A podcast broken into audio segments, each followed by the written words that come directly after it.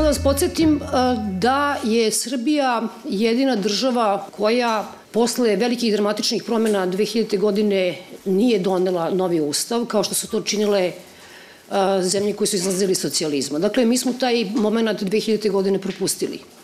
Odmah smo 2006. godine, ničim izazvani, postali nezavisna država, niko nije hteo da živi sa nama i bilo je bitno da se što pre donese ustav, da je to bio ustav kojim smo pokušali da zadržimo Kosovo u okviru Srbije. Samo da kratko prođemo ovu činjenicu da smo dakle Ustav doneli iz straha 2006. godine zbog Kosova, a da su ustavne reforme takođe motiv za njihovo donošenje straha, ali sada strah od Evropske unije, to jest od toga da ona neće zatvoriti poglavlja 23 ili 24. Mi smo hteli danas sa profesorom Nenadom Dimitrijevićem, koji imamo sreće da je došao iz Budimpešte gde radi na Centralnom Evropskom univerzitetu da dođe u Beograd i da ga malo oslobodimo Orbana, da vidi kako je to kad je u lepoj zemlji.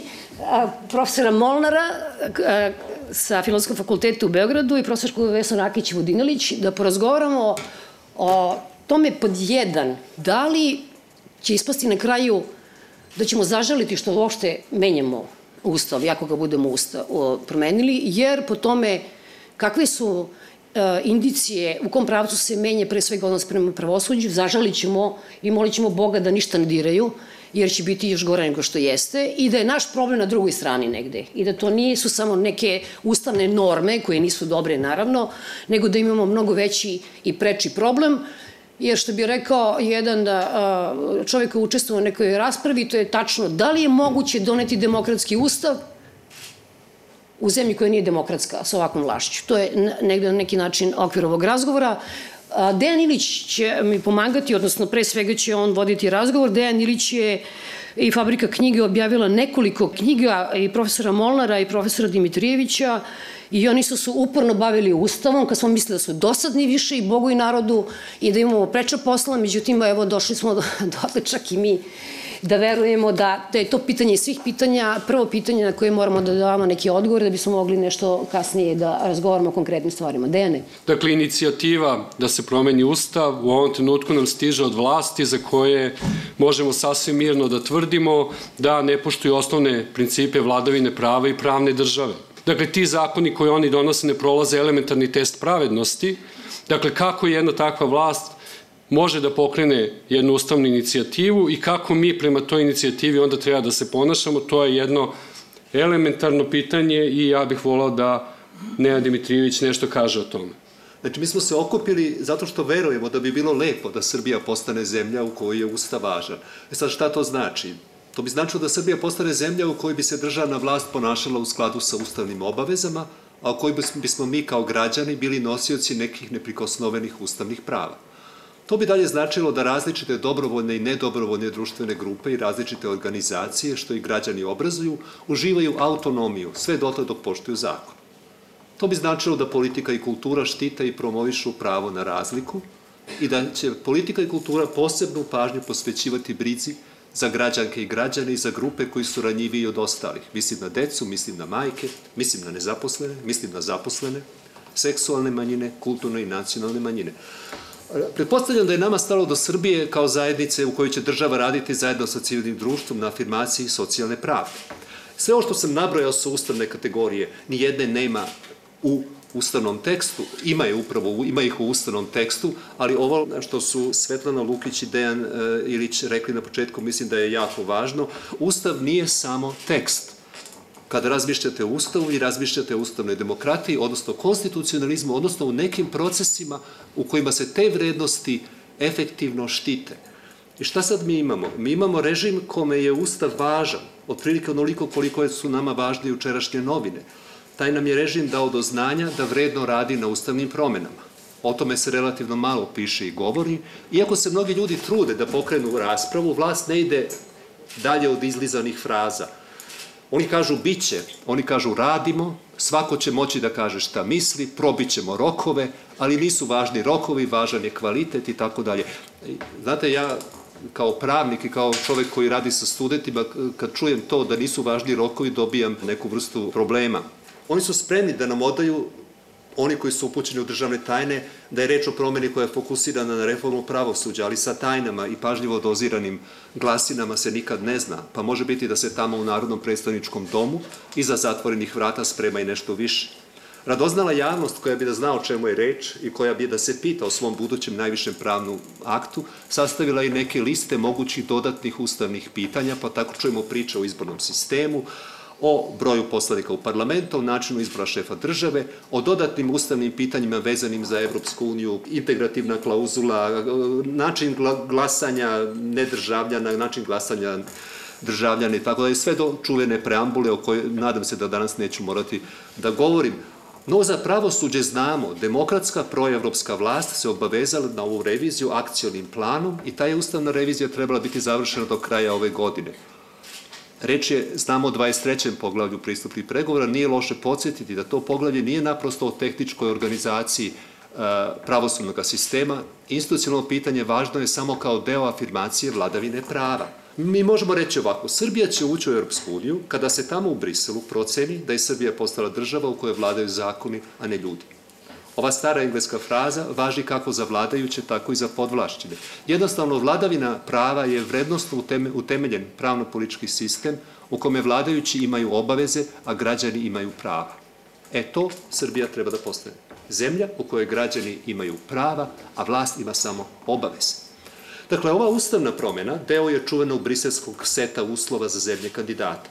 Sad imamo optimističke reakcije i pesimističke reakcije na ovo. Nisu svi pesimisti kao e, Svetlana Lukić. Optimisti će reći, ovo je prilika da okončamo tu više decenijsku agoniju brutalne zloupotrebe i politizacije sudskog sistema.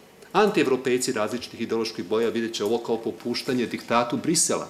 To naravno nije argumentacijski ozbiljno, ali može imati veliku političku težinu u zemlji u kojoj već jako dugo vlada pojmovna i vrednostna konfuzija. Pesimisti će reći, neustavna vlast menja sobstveni neustavni ustav. Kad kažem da je ustav 2006. Neustav, neustavan, ne mislim prvenstveno njegove pravne karakteristike, iako bi se možda moglo pokazati kako je proces donošenja ustava bio pravno sumnjiv, te kako unutar ustava postoje kontradikcije gde jedna odredba osporava drugo, o tome, o tome, o tome uh, moja draga koleginica Vesna može da kaže mnogo više. Želim tek podsjetiti da, je, da Ustav kao tekst nema demokratskog i slobodarskog smisla ako nije deo one prakse koju zovemo ustavnost ili konstitucionalizam. Znači, vrednosti, procedure, institucionalni aranžmani koji su svi fokusirani na zaštitu jednake slobode za sve. U ovoj državi vlast je arbitrarna i nasilna, partijska i privatizovana. Da se vratimo optimistima. Reklo bi se da je sad na delu veoma dobrodošli spoljni pritisak. Ova današnja revizija bila bi u stvari prvi pokušaj u istoriji post-jugoslovenske Srbije da se načini korak iz neustavnog stanja ka ustavnoj demokratiji. Donekli bih se mogao složiti sa ovim, barem ako poredimo ovaj evropski zahtev za ustavnom promenom sa našom recentnom ustavnom istorijom. Pogledajte, Ustav Srbije od 1990.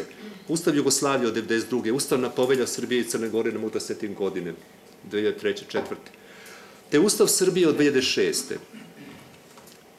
Nijedan od ovih ustavnih dokumenta sa stanovišta ustavne demokratije nije imao ama baš nikakvog smisla. Ustavni akti iz 1990-ih služili su da pokriju jedno nepravno i nepolitičko stanje inaugurisano nasiljem Miloševićevog režima. Nasilje se znamo prostiralo i u Srbiji i van Srbije.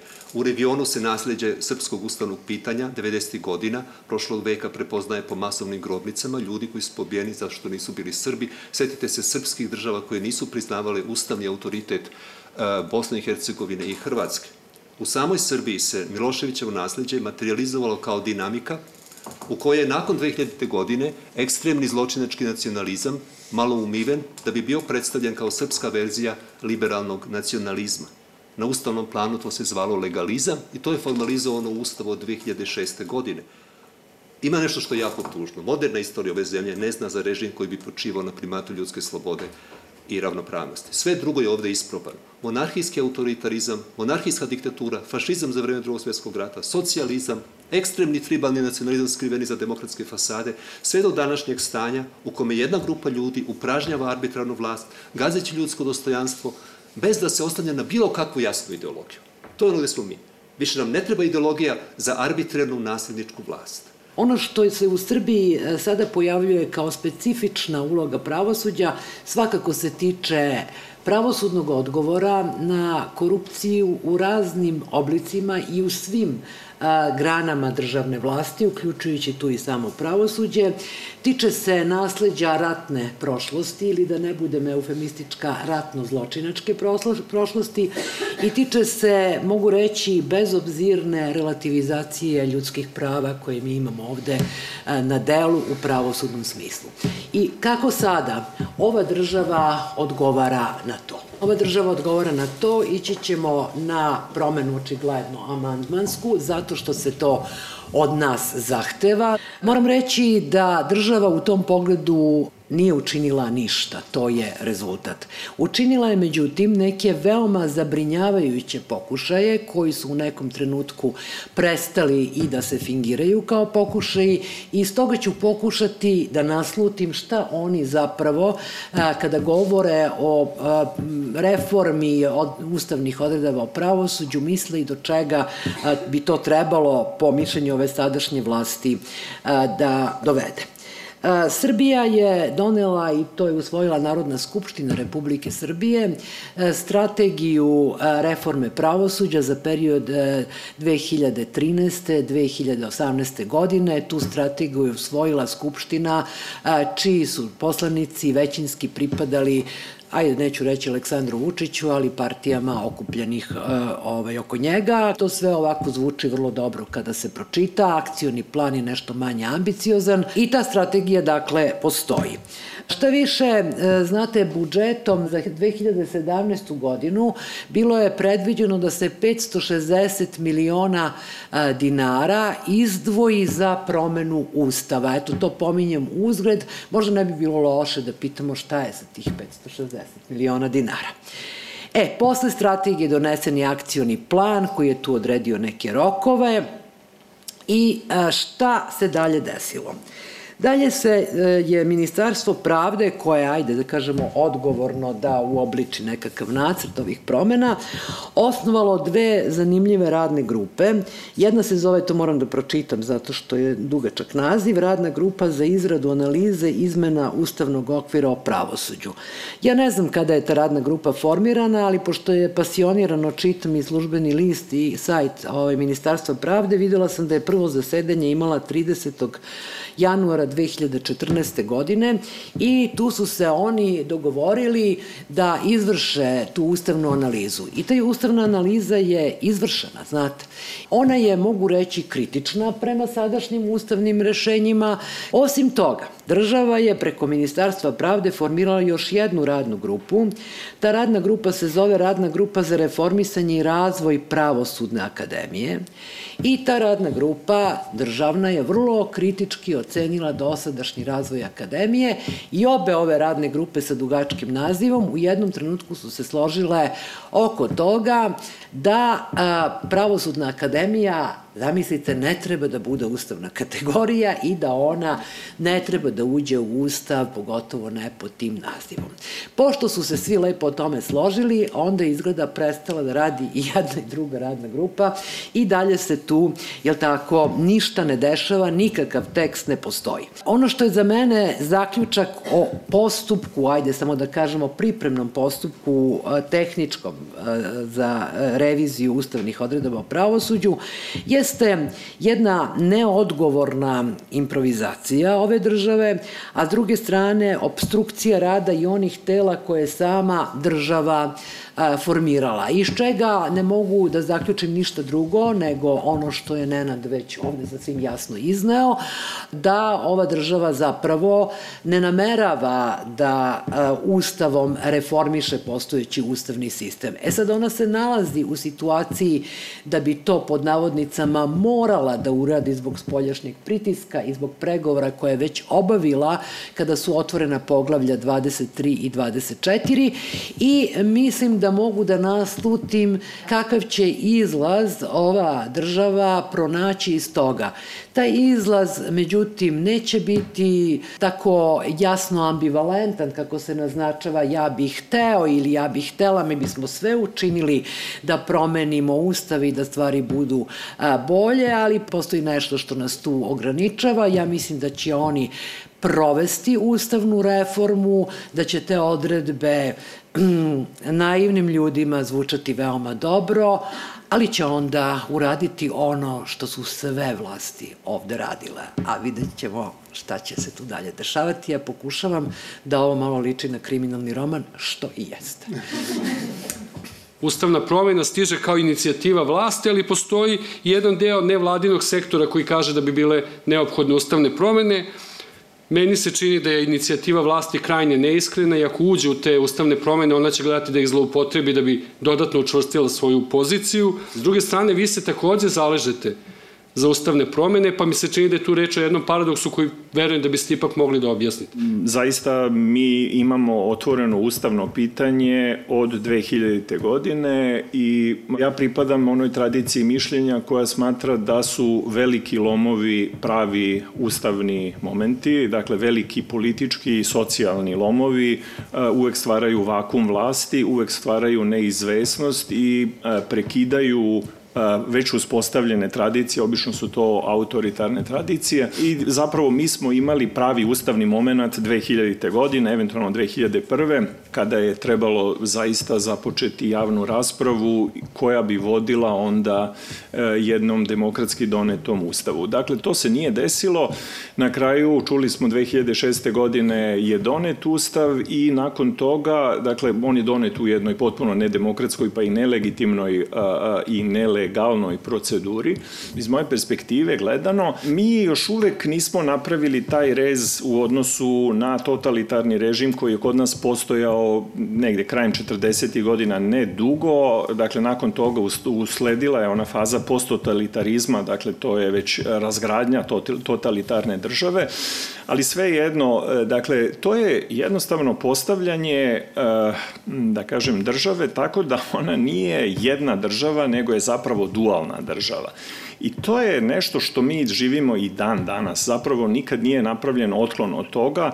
Dakle, dualna država je sastavljena od pravne države i, kako se to u teoriji kaže, prerogativne države, odnosno država koja nije vezana nikakvim pravnim normama. Dakle, ne može ni jedna država da opstane na potpunom bezakonju. Dakle, nijedna država, ni Treći rajh, ni Staljinov Sovjetski savez, današnja Severna Koreja, dakle, nema te države koja bi mogla da sebi dopusti čisti voluntarizam.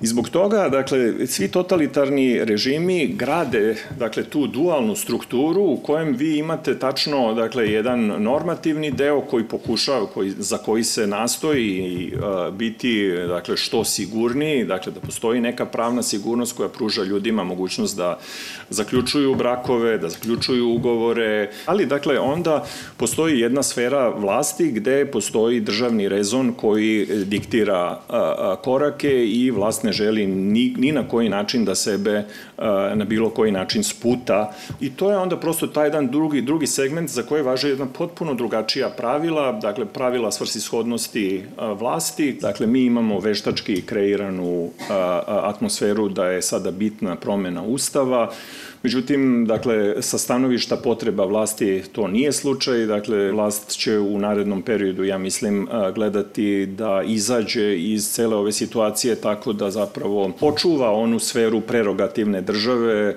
E sad, dakle, za mene bi to tu bilo ključno pitanje, možemo li mi očekivati bilo kakve pomake u pogledu nezavisnosti sudske vlasti, jer ona je prva zapravo koja izlazi iz domena prerogativne države. Dakle, ako bi se to učinilo, to bi bio ogroman pomak. Mislim da bi to bilo uh, uh, nešto što bi prevazilazilo sva moguća očekivanja s obzirom na ovu situaciju. Dakle, određene garancije nezavisnosti pravosudne vlasti, to bi bio ogroman dobitak, uh, pre svega, dakle, zahvaljujući pritisku Evropske unije. E, ja sam mislio da bi civilno društvo trebalo da učini još jedan pritisak i to je da sredi e, takozvanu sferu stručnih nadzornih tela. Pokazalo nam se u, ovom, u ovoj situaciji gde mi nemamo podelu vlasti, podela vlasti u Srbiji ne postoji uopšte, E, mi smo videli da je preko ombudsmana ipak, da kažem, neki pomaci suvršeni i čini mi se da bi civilno društvo trebalo da vrši pritisak da se uredi e, oblast stručnih nadzornih tela, jer tu imamo i druge, dakle imamo pored ombudsmana opšte nadležnosti, imamo i druge ombudsmane specijalne nadležnosti. Čini mi se da bi taj pritisak, ako bi išao usmereno, fokusirano na tu jednu tačku, mogao da doprinese da e, praktično e, cela ta sfera dakle svi, svi ombudsmani ili sva stručna nadzorna tela zajednički doprinose e, daljem povećavanju ove sfere pravne države. Dakle, ponavljam, e, to neće biti veliki pomak, ali dakle, on bi mogao e, zaista građanima da omogući određene iskorake izvan ovih standarda zaštite ljudskih prava koje momentalno postoje u Srbiji. S obzirom na činjenicu da su naši građani e, živeći u tim raznim sistemima navikli na, te, na, na takvu vrstu države, pa onda i nisu pokazali intencije da pruže nekakav ozbiljan otpor. Ali s druge strane, postoji izgleda problem i druge vrste, a to je da neće biti problem i da nas eventualno jednog dana prihvatu u Evropsku uniju, iako prerogativna država je tako toliko dominantna, jer je došlo do dramatičnog snižavanja kriterijuma prijema u samu Evropsku uniju? Ja moram da priznam da ne razumem a, postojeću politiku pridruživanja koje, koju sprovodi Evropska unija, jer više nego očigledno da je ova postojeća vlast u Srbiji sponzorisana od strane Evropske unije. Dakle, ne želim da ulazim uopšte u a, razloge koji stoje iza toga, ne poznajem ih, mogu samo da nagađam, verovatno kao i svi mi ovde u ovoj sali. Verovatno su oni uočili da u ovakvoj situaciji a, to je najsigurnija karta na koju mogu da igraju. U svakom slučaju ne, ne čini mi se da će biti nekih promena u tom smislu. Izgleda da ova vlast odgovara sa ovim postojećim nivom demokratije. Tako da ako je to bilo do sada, ne vidim zašto bi se to sad promenilo nakon 2018. godine, nakon što budu donete te ustavne odredbe za koje se traži. E, dakle, pitanje je da li će to biti samo provizorne, deklarativne odredbe ili će one zaista zadirati u to što ja nazivam prerogativnom državom. Dakle, ako one e, budu e, ulazile, i to pre svega u pogledu sudske vlasti, onda bi značilo da, da tu postoji neki pritisak koji je zaista efektivan i od kojeg ćemo mi imati dugoročne koristi. Ako pak ne, dakle, onda, ja ne znam, moguće je onda zaista da je, dakle, ovo je neki, neka vrsta e, vlasti koja se smatra najoptimalnijom za neki tranzitorni period u kojem bi Srbija trebalo da se razvija ekonomski, iako dakle ovde ja ne vidim da li postoji uopšte bilo kakav ekonomski razvoj, do nekog momenta kad ćemo moći ozbiljno da postavimo ustavno pitanje. Pa evo, ja sam teo Nenada da pitam, a mislim da i ti i ja ovaj, imamo zanimljivu situaciju ovde, jer mi se čini da smo na neki način ostali bez teme tema trebalo da budu ustavne promene. Međutim, došli smo do toga da nema ustavnog momenta, da nema raspoloženja, da nema dobrih razloga za ustavne promene i sad se stvarno pitamo o čemu mi ovde u zvari pričamo. Dakle, to pitanje je nametnuto, ono u ovom trenutku cirkuliše u javnosti, mi se na neki način određujemo prema njemu, a zapravo vidimo da ne postoji ni jedan dobar razlog da se u ovom trenutku od strane ovih vlasti postavi jedno takvo pitanje. I sad mislim da imamo jedan interpretativni problem ovde ja bi to pitao Nenada, ne znam, prosto možda nije fair pitanje, ali šta mi da radimo sa ovim ustavnim pitanjem koje se nama u ovoj situaciji bez jednog dobrog razloga postavlja i očekuje se da se mi racionalno odnosimo prema tome? Pa da, nije lako. ovaj, stvar je, mislim, na, na ovom načelnom nivou ipak jednostavna. Znači, nama se nudi lažni razlog za lažnu ustavnu promenu od strane neustavnog režima. Opasno bi bilo da mi odgovaramo samo reaktivno, tako što ćemo reći dobro, zaista je važno i ja se slažem da je zaista važno i to je nešto što se ne može dovoljno naglasiti. Važno je e, da, da, da konačno dobijemo nešto što liči na nezavisno pravosuđe, ali na, na strateškom nivou važno je da građani i građanske inicijative na, ne reaguju isključivo na ona pitanja koja dolaze od režima. Mi moramo reći da ovo je prilika da mi istaknemo važnost ustavnog pitanja ne, neovisno od toga što režim o tome misli. Dakle, mi naglašavamo da je ovo pitanje za nas važno zato što mi cenimo ono čega u ovoj zemlji nikada nema i mi optužujemo ovaj režim da je saučesnik u negiranju slobode, jednakosti, pravde i demokratije. Mi hoćemo slobodu, pravdu, jednakost i demokratiju i to treba biti e, cr crvena nit naše građanske akcije, da insistiramo na tim nekim temeljnim vrednostima i da se onda u drugom koraku pitamo kako se te vrednosti, vrednosti institucionalizuju i da stalno podsjećamo na ovo o čemu je govorio i Aleksandar, da e, sada ova vrsta donošenja e, ustava u momentu kada za to nema drugog razloga izuze spoljnog pritiska, da to e, samo pomaže ovoj vlasti da se dalje stabilizuje na, na svojim e, arbitrarnim i nasilničkim osnovama i da mi znamo što je alternativa i da mi hoćemo da tu alternativu verbalizujemo i da je, da je učinimo dostupnim svima. Dakle, da, uz, nema ustavnog momenta, ali ustavno pitanje je važno. Ono je važno zato što e, mi želimo da živimo normalne ljudske živote, da budemo ljudi čije se dostojanstvo ceni i, i, i čije dostojanstvo je zaštićeno jednim transparentnim, predvidivim, e, demokratski uobličenim pravnim sistemom između ostalog, je li tako? Dakle, prosto, ustavno pitanje je važno i mi moramo da, da insistiramo, insistiramo na tome. Smislene ustavne promene na način kako je Aleksandar govorio, naravno neće biti dok se ne dogodi još jedna velika kriza koja će potpuno uzdrmati temelje režima. Ali ni sama kriza nije dovoljna. Potrebno je i da mi, kako bi filozofi rekli, osvestimo iskustvo krize. Mi moramo biti svesni da je ovo moment krize u kome možemo da pokrenemo ustavno pitanje, da kažemo građanima, slušajte ljudi, ovo je prilika da promenite vaše živote, da konačno počnete da živite kao normalni ljudi u normalnom društvu. Znači, to je neka vrsta, ja mislim, e, e, smera u kojem mi treba da radimo. Pa evo ja ću se nadovezati na Nenada. Dakle, mi moramo da razmišljamo zapravo na dva plana. E, ovo nije ustavni moment, dakle ovde se neće ništa veliko desiti. Međutim, ustavni moment će doći pre ili kasnije. Dakle, politička kriza je e, nešto što, tako reći, neminovno sledi za neku godinu i onda će se opet postaviti pitanje e, imamo li mi uopšte spremnosti da se tada konfrontiramo sa ustavnim pitanjem, dakle, kad stvarno postane uh, ono aktuelno.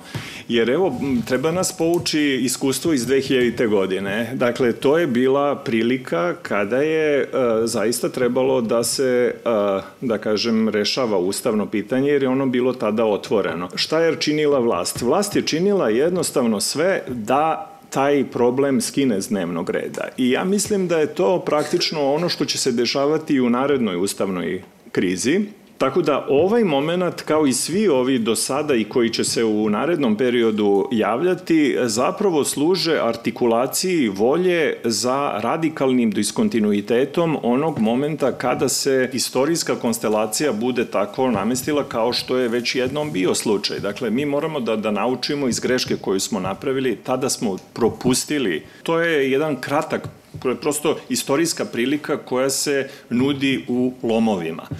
Ona traje otprilike, dakle, ja ne znam, jedno godinu, dve dana, ne duže, kada postoji vakum moći, kada, dakle, je još uvek sve, da kažem, u pokretu živo I to je zapravo, ja vidim, ovo, ovo su prilike kada mi zapravo treba da se pripremamo za, za taj moment, jer će se ponovo desiti isto što se desilo 2000. godine. Jedini način da se to ne desi je Ustavotvorna skupština. Ustavotvorna skupština je zapravo jedan civil, jedna civilizacijska tekovina svugde gde se želi kvalitativan korak u e, pravcu podele vlasti, e, pod pretpostavkom da podela vlasti omogućava širenje ovog domena pravne države i perspektivno ukidanje domena prerogativne države. Mojim studentima obično govorim, eh, pošto se bavim istorijom, eh, dok eh, zaključno sa 18. vekom, već do tada mi imamo tri tipa republikanskog ustava koja čini mi se da su aktuelna i dan danas. I mi možemo da se uvek odredimo da vidimo koji od tih tipova je aktuelan. Imali ste prvo 1600 1953. godine instrument vladanja, dakle on je bio engleski ustav koji je trebalo da učini Englesku republiku nekom vrstom e, mimikrije u kojoj bi Oliver Cromwell bio kralj, ali se to ne bi videlo. Dakle, imamo republikanski ustav koji ima za svrhu da prikriva pravo monarhijsko ustrojstvo sistema. Imate američki ustav gde se zaista ušlo u domen podele vlasti i imate treće, to je dakle Jakobinski ustav iz 1794. godine koji nam predstavlja jedan prvi utopijski inženjering. I mi zapravo u tim republikanskim ustavima koji nam se danas nude, dakle nakon sloma prve Jugoslavije, mi vidimo kako se recikliraju ti modeli I ključno je pitanje, dakle, da li ćemo mi zapravo ići dalje od ovog monarhijskog ustava? Ja mislim da je danas, dakle, ako čitate ovaj postojeći ustav, vi ćete tačno videti, ili pre svega po a, himni, grbu i a, a, sastavi, da je ovo zapravo jedan monarhijski ustav, to je ključno pitanje, hoćemo li mi sledeću a, političku krizu koja će doći, dakle, po, pošto imamo sistem u kojem je jedan a, čovek a, kumulirao svu vlast, onog momenta kad je on izgubi, imaćete političku krizu, dakle, u celosti. Ključno pitanje je hoćemo li mi sa ovom pričom moći da se nametnemo tada, a ovo što o čemu govorimo danas trebalo bi da bude nešto što vodi adekvatnom zauzimanju stava u tom momentu, ako bi se u tom momentu obezbedila ustavotvorna skupština, mnogo je veća vjerovatnoća da se neće ponoviti greška iz 2000. godine. E, Vesna nam je običala nastavak krimi priče, ali tako? Izvoli. Verujem da je ipak važno kontrolisati na neki način ovaj proces promene ustava koji se tiče pravosuđa, on će neminovno doći. On dolazi kao nekakav domaći zadatak. I zato mislim da je moja dužnost da upozorim na to kako predviđam sledeće poteze državne vlasti na tim promene i koje su zamke. Mislim da o tome treba govoriti tako da sagovornik Srbije u ovom poslu, a to je ipak EU, razume šta sve tu čeka nas, koje su to žarišne tačke. Jedna od njih je svakako sastav i položaj Visokog saveta sudstva i državnog veća tužilaštva, Tu se postavlja pitanje je li prvo sastava, pa onda nadležnosti za izbor i tako dalje. Tu je e, zada domaći zadatak i prihvaćen je strategijom da se mora isključiti Narodna skupština i da se mora isključiti ostali organi vlasti kako iz sastava, tako i iz izbora. Ono što me je začudilo pomalo jeste da ni u jednoj od tih strateških papira, a takođe ni u nekim nacrtima ustavnih odredaba o pravosuđu koje se mogu videti na različitim stranicama i nekih političkih stranaka i pojedinih udruženja, zapravo niko nije e, dotle išao kritički da postavi pitanje pa šta će nama Visoki savet sudstva i državno veće tužilaca. To je jedna, tako da kažem, nova tekovina, ne mislim time što sam rekla tekovina da je pozitivna tekovina, takav sistem je uspostavljen ustavom iz 2006. da nikad nije bilo dovoljno objašnjeno objašnjeno zbog čega imamo dva pravosudna saveta, ali tako, jedan za sudije, jedan za tužioce. Ranije smo imali po zakonu iz 2001. Visoki savet pravosuđa. Nadalje, ono što je, na što se takođe naša država obavezala strategijom jeste nadležnost za izbor predsednika predsednika sudova, koji su, mislim da to ne treba dokazivati, uzmite samo primjer predsednika Višeg suda u Beogradu, kolegu Stepanovića, je li tako? Oni su transmisija, dakle, direktnih naređenja izvršne vlasti u sudove i ko to ne sluša, prolazi kao sudija Vučinić, pretpostavljam da mi je slučaj poznat, neću ga dalje obuhvatati. Dakle, ja verujem da će na, naš ustav nekako urediti ovo pitanje i pomerit će nadležnost za izbor Um, predsednika sudova na, polo, na recimo Visoki savet sudstva i državno veće tužilaca. Ali šta će se dogoditi? Znate, kad govorimo o tom novom sastavu ova dva tela, način izbora će biti uređen zakonom. Uvek Ustav upućuje na zakon. E, videli smo kako to izgleda kad način izbora uređuje zakon, onda se napravi nekakva izborna komisija i ona vrši gerrymandering kad su u pitanju izborna tela. To će se desiti i sada. Imaćete rezultat, one sudije koje nikad nisu bile glasne, za koje se nekako zna i naslučuje i tužioci naravno da će se pokoriti političkim vlastima, bit će u ovim telima.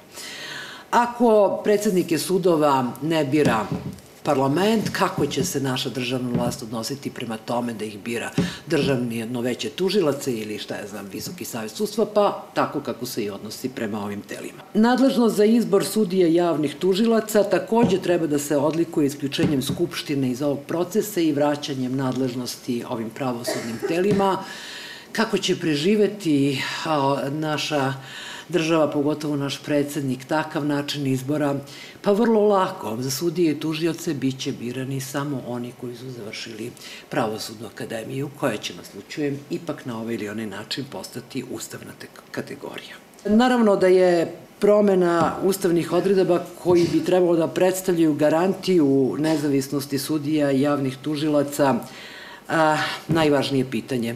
Ali nikad, nikad ne možete ustavnu garantiju pretvoriti u stvarnu garantiju ukoliko nema volje da se ustav i zakon primene. Tu ne postoji nikakav čarobni štapić, tu ne postoji, znate, ništa. I meni se čini da sada kada posmatramo obe ove funkcije, sudsku i tužilačku, ja samo o njima govorim, iako ima tu mnogo para pravosudnih tela o kojima bi valjalo nešto reći, prosto ne možemo e, sada za ovo kratko vreme, možda nema ni potrebe, Ja mislim da možemo dokazati na primerima da je zapravo tužilačka funkcija u Srbiji strahovito kompromitovana. Oni zapravo se ponašaju kao politički organi vlasti. Posjetit ću vas samo na nekoliko najdrastičnijih primera. Jedan je bio kada je postoje onaj Vučićevićev državni udar, ako se toga sećate.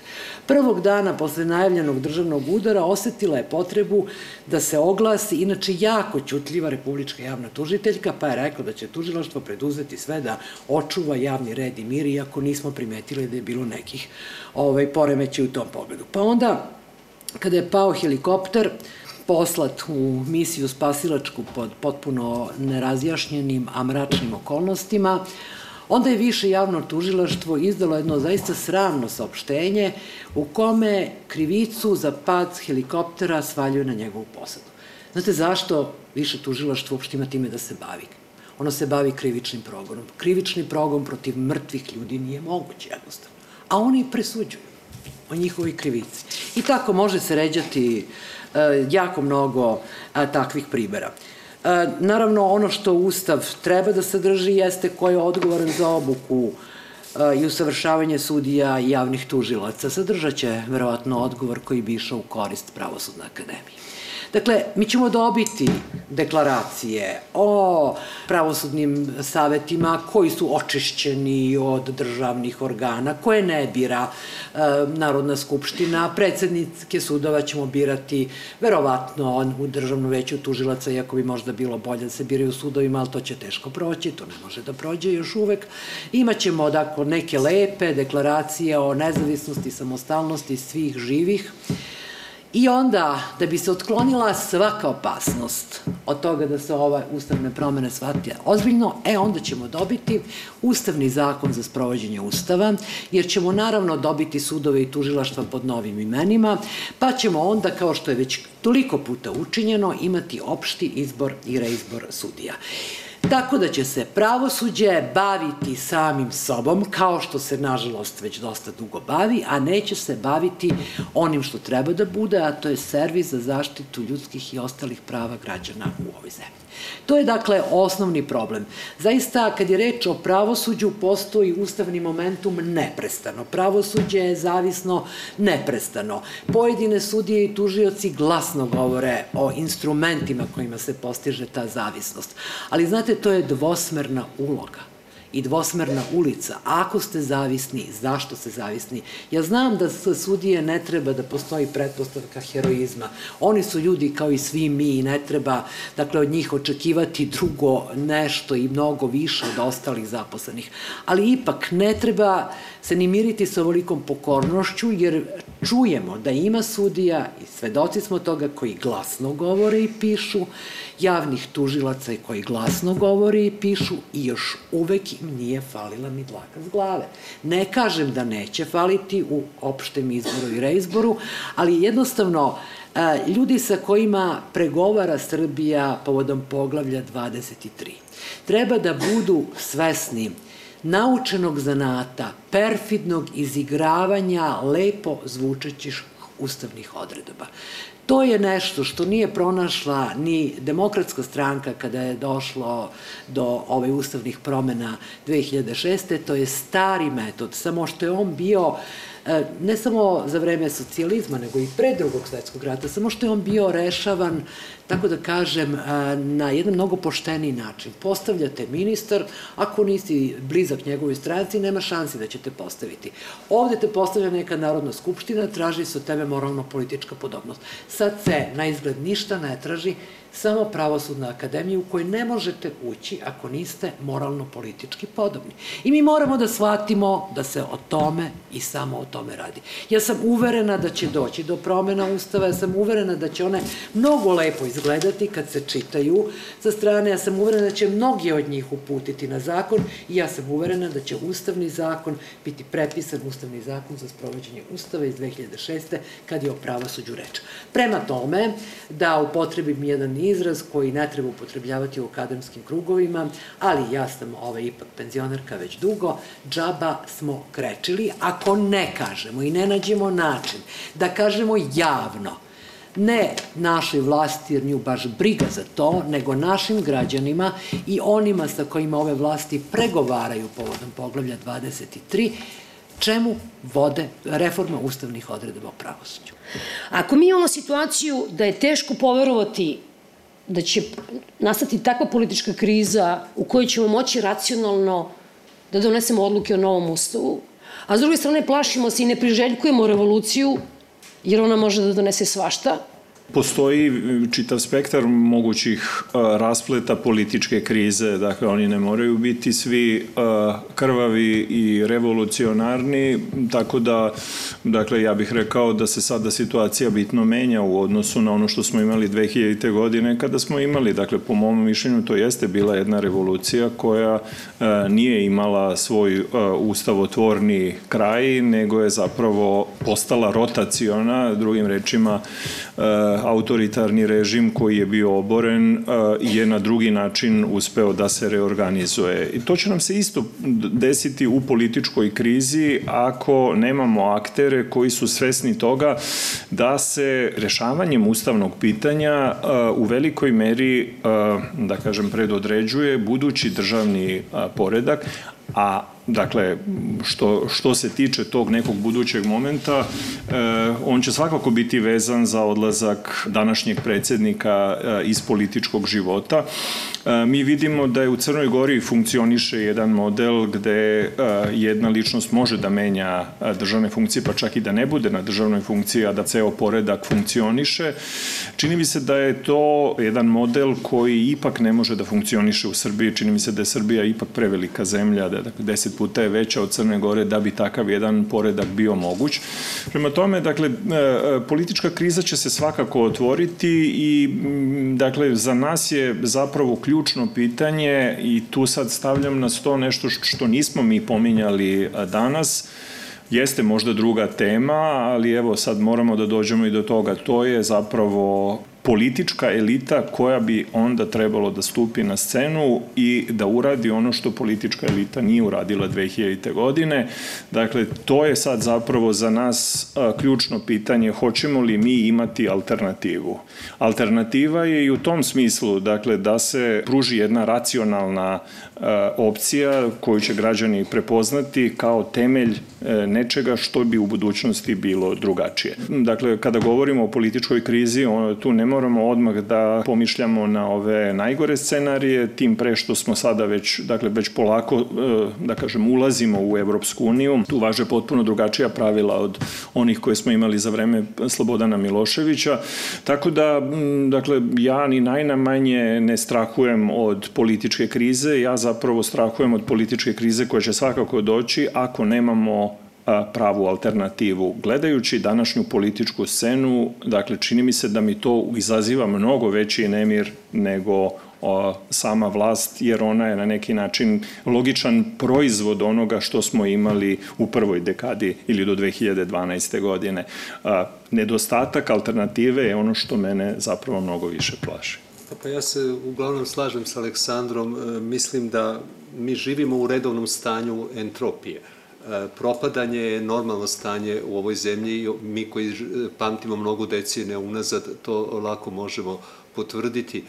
E sad, ono što mene brine tu jeste da stalno pogoršavanje političkih prilika, socijalnih prilika, ekonomskih prilika, stalno siromašnje velikoga broja ljudi, stalni nedostatak bilo kakve pozitivne perspektive, ništa od ovoga ne vodi nužno krizi.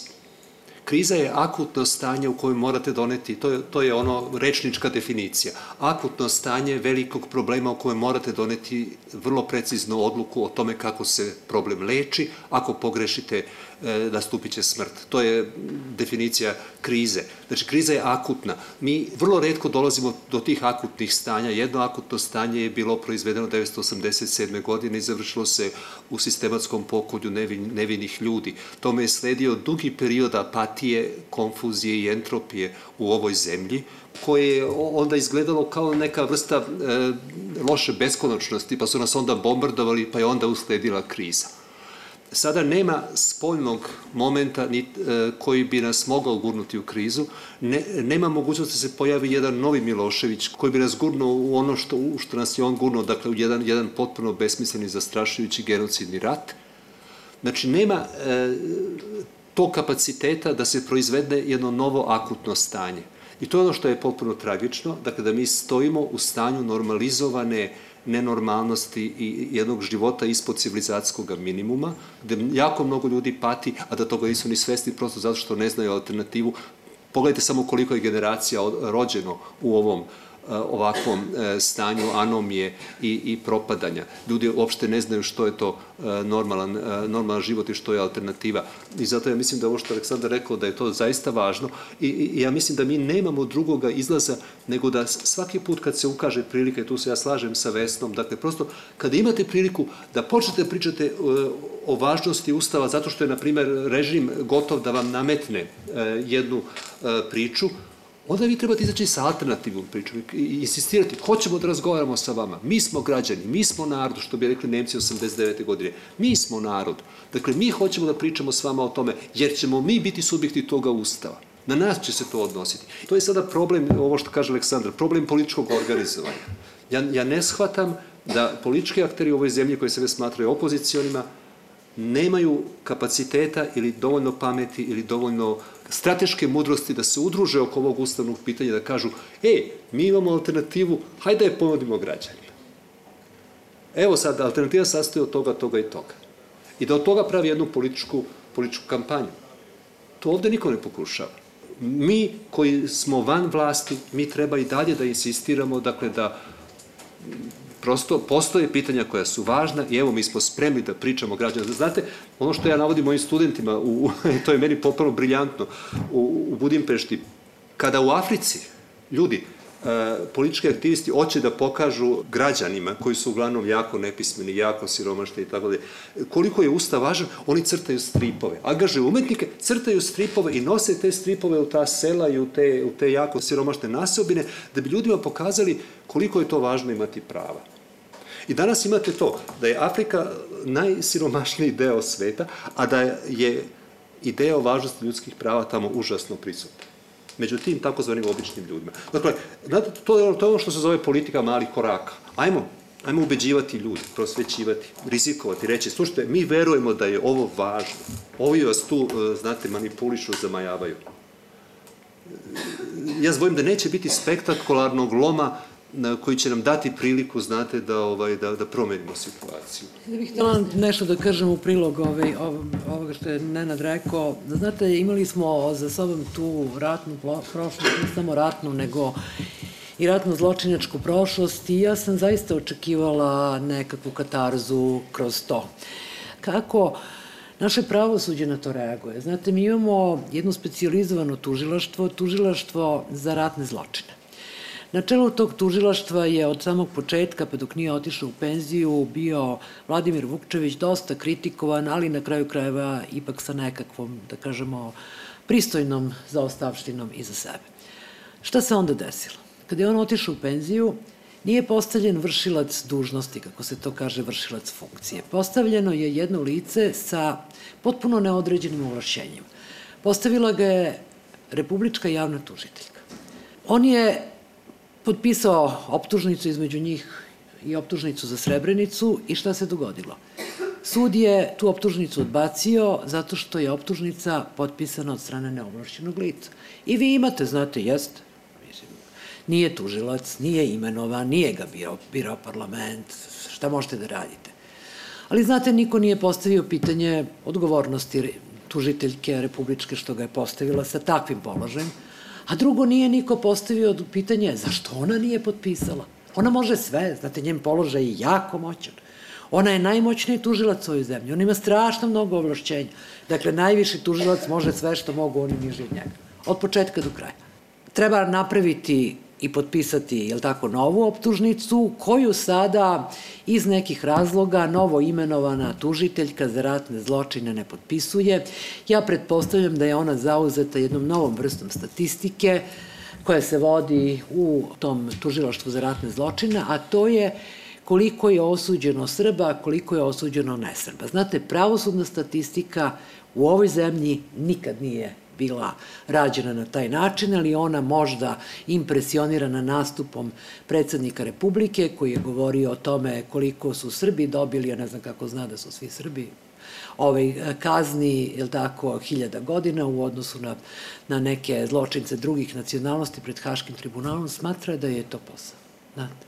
I oni sada to rade. Gotovo ništa drugo se u tom tužilaštvu za ratne zločine ne radi, a analiza, mi imamo strategiju za procesuiranje ratnih zločina iz 2016. za period 2016-2020. Upravo ovde na ovom istom mestu 18. će jedina, tako da kažem, organizacija koja prati tu strategiju, to je Fond za humanitarno pravo, predstaviti svoj izveštaj. Znate, ne možete vi očekivati bez katarze e, nekakvo, nekakvu drugu krizu. Kriza naravno će nastupiti kada jako, ja možda i neću to doživeti, vi Aleksandre hoćete da ne bude negde izabran Aleksandar Vučić kao glavni. Ali evo, nemojte me shvatiti ozbiljno. Pa imali smo mi monarhističku klauzulu Ustava iz 1984. Pa da prepišemo samo reči Josip Broz Tito, da zamenimo rečima Aleksandar Vučić, možda će čovek ulaknuti pa će nas ostaviti na miru da radimo ono što treba da radimo.